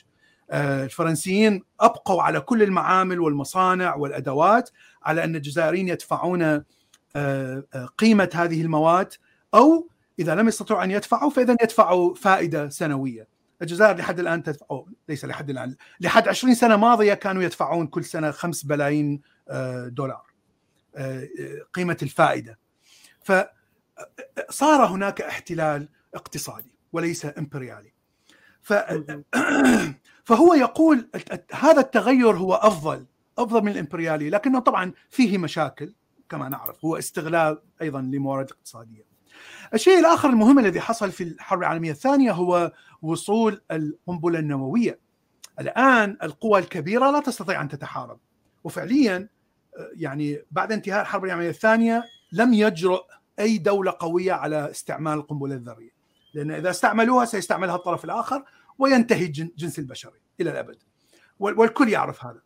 فصارت عدة يعني عدة حروب ما بين أمريكا والصين ما بين روسيا أو الكتله الشيوعية والرأسمالية عدة مرات في التاريخ ليس مرة أو مرتين منذ قيام منذ انتهاء الحرب العالمية الثانية. لكن لم يصل إلى الحرب المباشرة ما بين الاثنين. فيقول هذا شيء جيد مع أنه شيء يعني مخيف أننا يعني اكتشفنا هذه القنابل لكنه أعطى فرصة للسلام. السلام بمعنى آخر أنه ممكن أن أحصل على أموال طائلة أكثر كراسماليه وكدولة غنية ممكن أن تأتي منها أموال أكثر طائلة أكثر بكثير من الحرب. ولهذا آه، ترى أن أوروبا الغربية وأمريكا دائما يعني آه، تعطي هذه البروباغندا. الديمقراطية والتعاليم الإنسانية طبعا هذا كله خرط طبعا هذا كله بروباغندا. هم هم فعليا يرون أن السلام يعطيني مال أكثر. هو هذا يدفع اقتصادي إلى الأمام. أما الحرب لا يدفع اقتصادي كما يدفعه السلام. فهذا هي الغرض من البروباغندا الغربية. آه، مع الأسف البروباغندا الصينية والروسية لا زالت ما بين هذه الأفكار التي هي يعني تعتبر الحرب يعني شيء آه، مهم أو عنصر مهم في يعني في في الدفاع مثلا أو في التغلب الاقتصادي. طبعا الأمريكان أيضا ممكن أن يدخلوا في حروب لكن الحروب دائما مع دول ضعيفة جدا. ف فيقول هنا ال ال الشيء الواضح الذي نراه أن وجود السلام كثقافة بشرية وجود السلام أهم وأثمر من الحرب. و المشكلة البيئية التي أصبحت مشكلة كبيرة جدا الآن.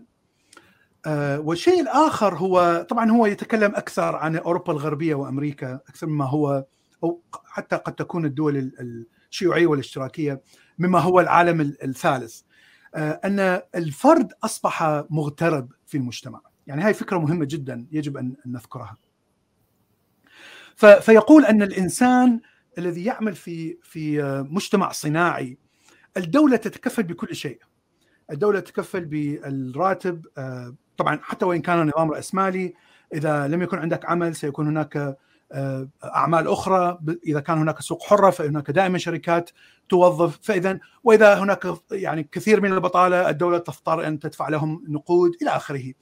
وهذه موجودة في كل الدول حتى في أمريكا يعني رب الرأس الرأسمالي أيضا أمريكا أيضا تعطي نقود للاشخاص اللي لا يعملون. فاذا الفكر القبلي والعشائري اللي كان موجود عند هذه البلدان بدأ ينتهي فلا يوجد الآن شخص يحتمي بالقبيلة ويحتمي بالعشيرة ويحتمي بالعائلة لتساعده على مصاعب الحياة.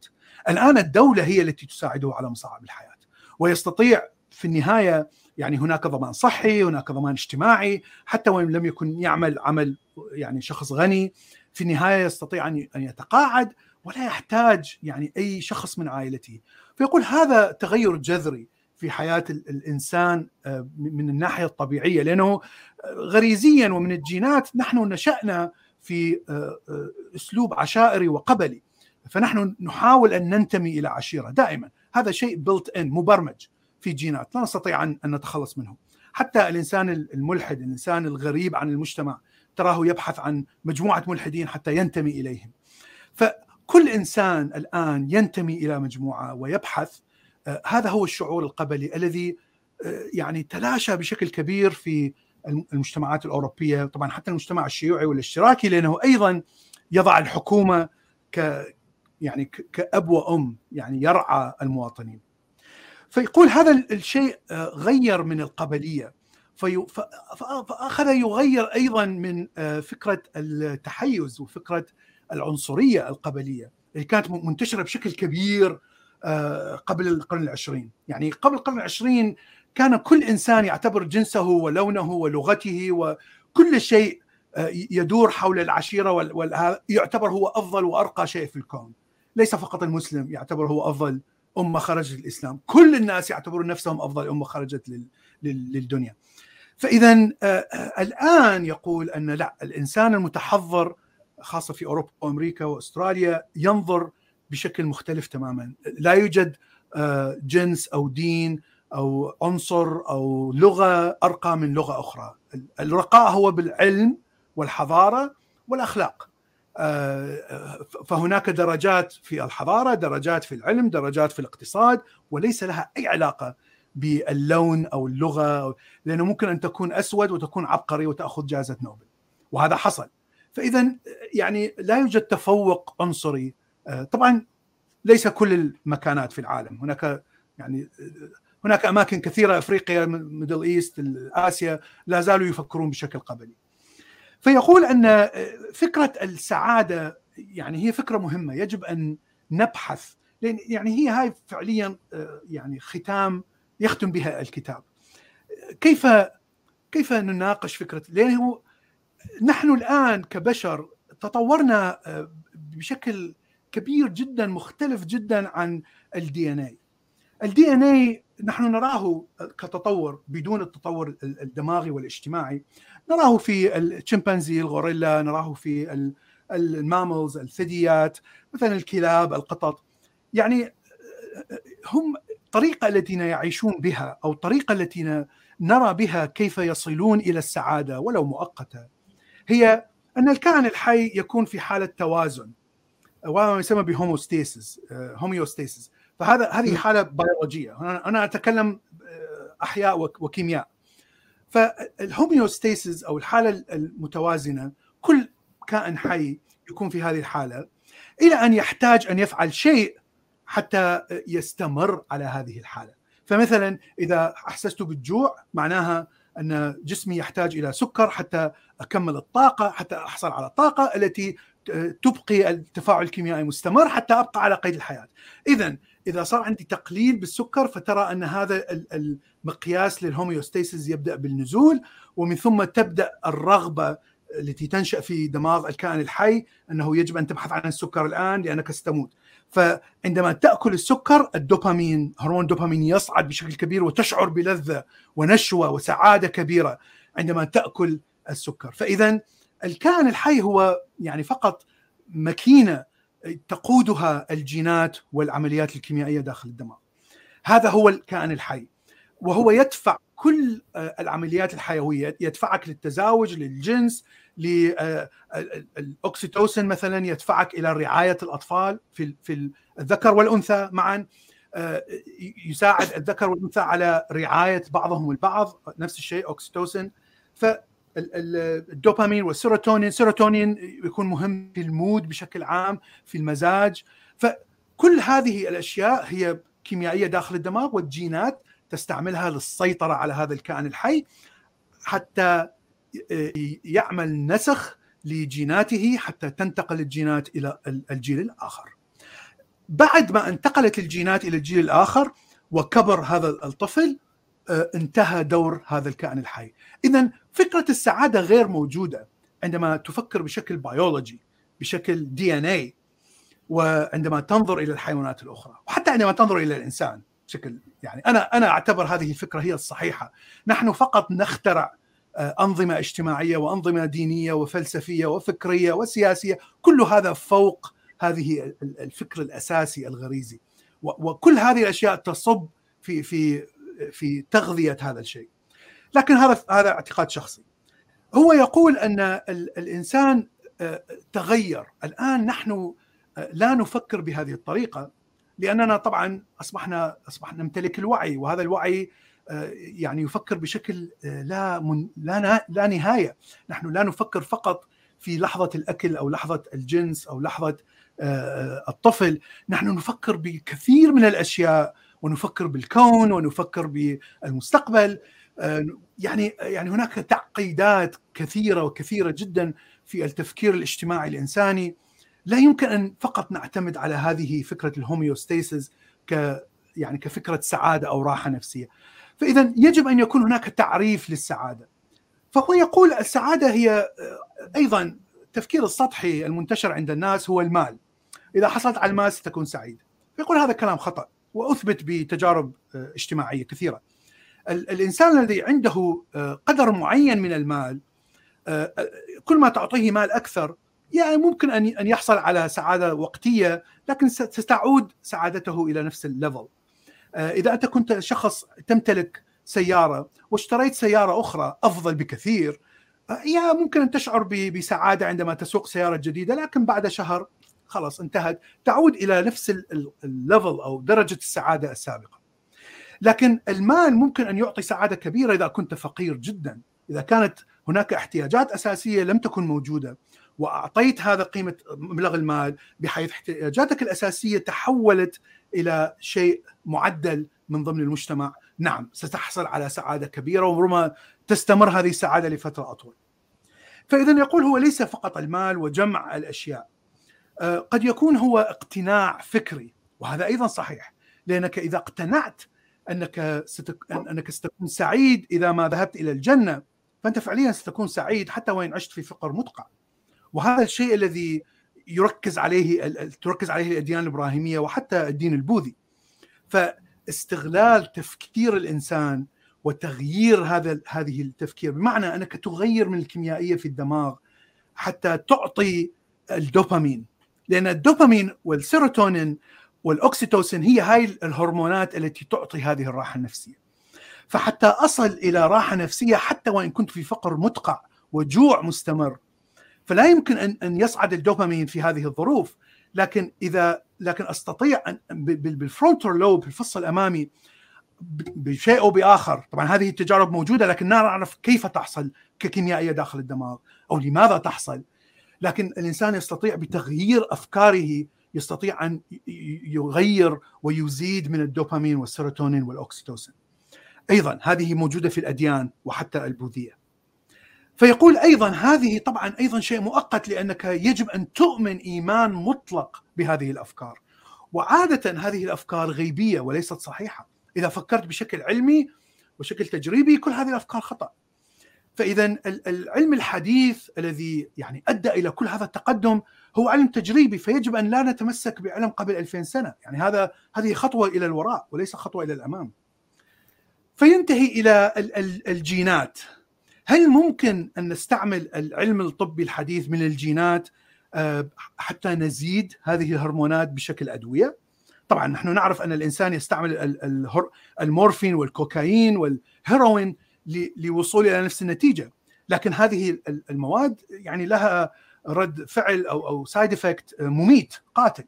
فإذا لا, لا نستطيع أن نستعملها كحبوب يعني للسعادة. هناك رواية لهكسلي وهكسلي هو ممثل يعني مؤلف وعالم إنجليزي ممتاز أنصح الجميع بقراءة رواياته.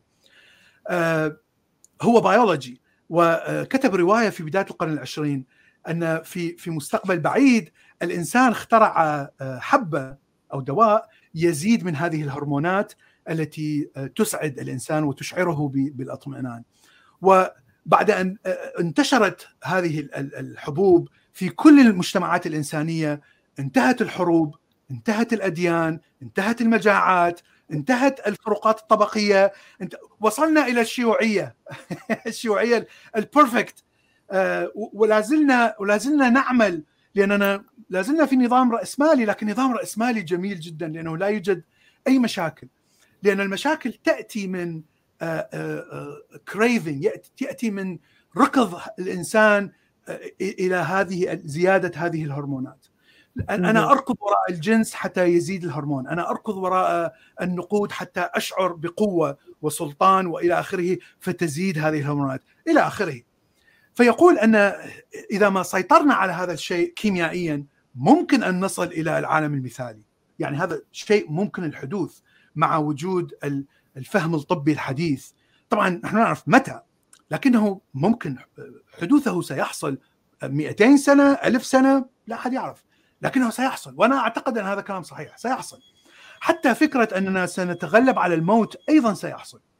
لأن كما ذكرنا الموت هو شيء هو مشكلة كيميائية وميكانيكية ليس لها علاقة بإله وأرواح ويوم قيامة وإلى آخره. هذه كلها أشياء ليس لها أي دليل علمي. وإلى أن تحصل هناك دليل علمي على وجود هذه الآلهة ووجود هذه الأفكار في ذاك الوقت سنناقش. أما الآن لا يوجد أي دليل فإذا من الممكن أن نتغلب على الموت لكن لا نعرف متى.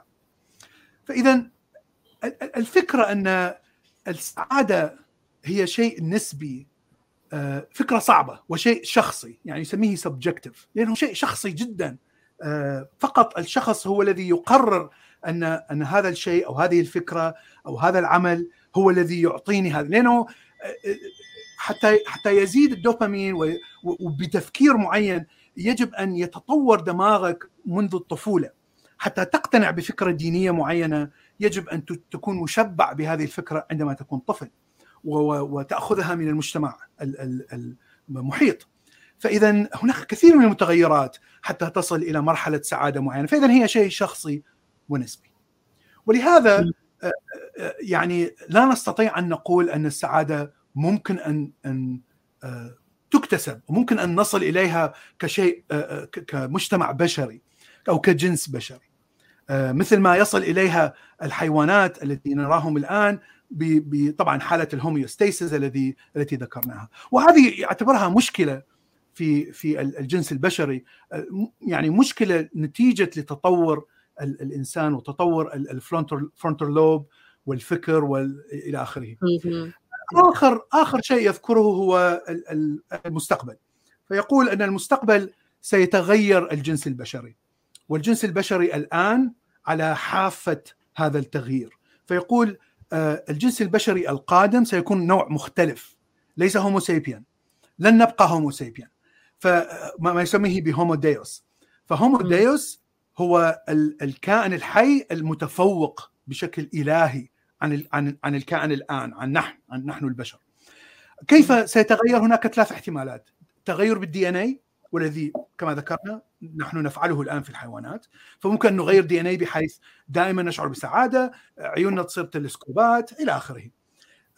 أو تغير بالآلات تغير التكنولوجيا بحيث أستطيع أن أبدل قلبي بقلب ميكانيكي كلية ميكانيكية إلى آخره. وهذه نحن نستعمل مواد يعني بعد كده الإنسان بدل ما يروح المستشفى يروح الورشه نعم البداية هناك قلب ميكانيكي في العمليات يستعمل هناك جهاز للإنسولين يقطر الإنسولين بشكل أوتوماتيكي لمرضى السكر يعني نحن نراه الآن.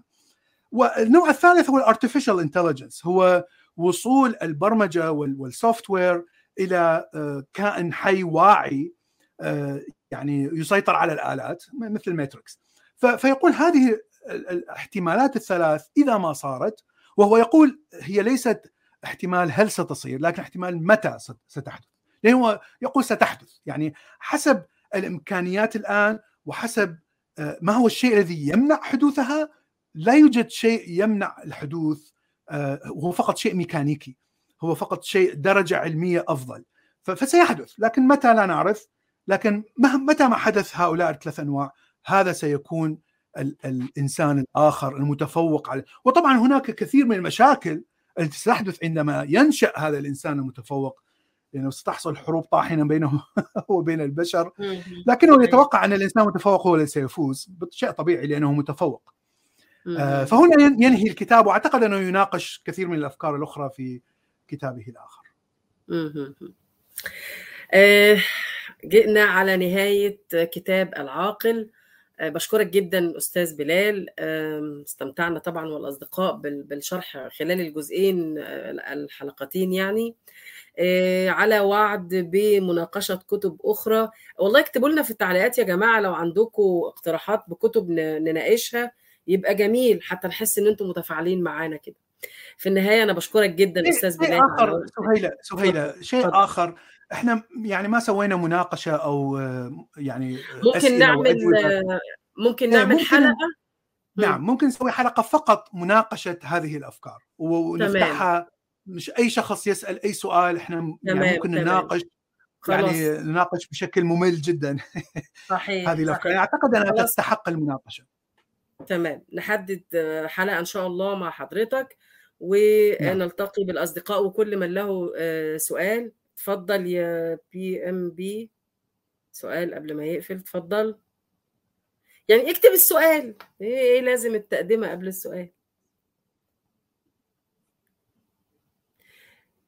كيف تكون الإنسان كيف تكون الإنسان الأول. ما هو إحنا قلناه في الجزء الأولاني. اتفرج على الحلقة الأولى نعم. يا بي ام بي تمام؟ نعم. أشكركم جدا وتصبحوا على ألف خير. أرجو ال like وال share والاشتراك في القناة والاشتراك في نعم. قناة أستاذ بلال. ال link محطوط في في في بداية الحلقة وفي الحلقة اللي فاتت. بشكركم جدا وتصبحوا على ألف خير. شكرا. مع السلامة.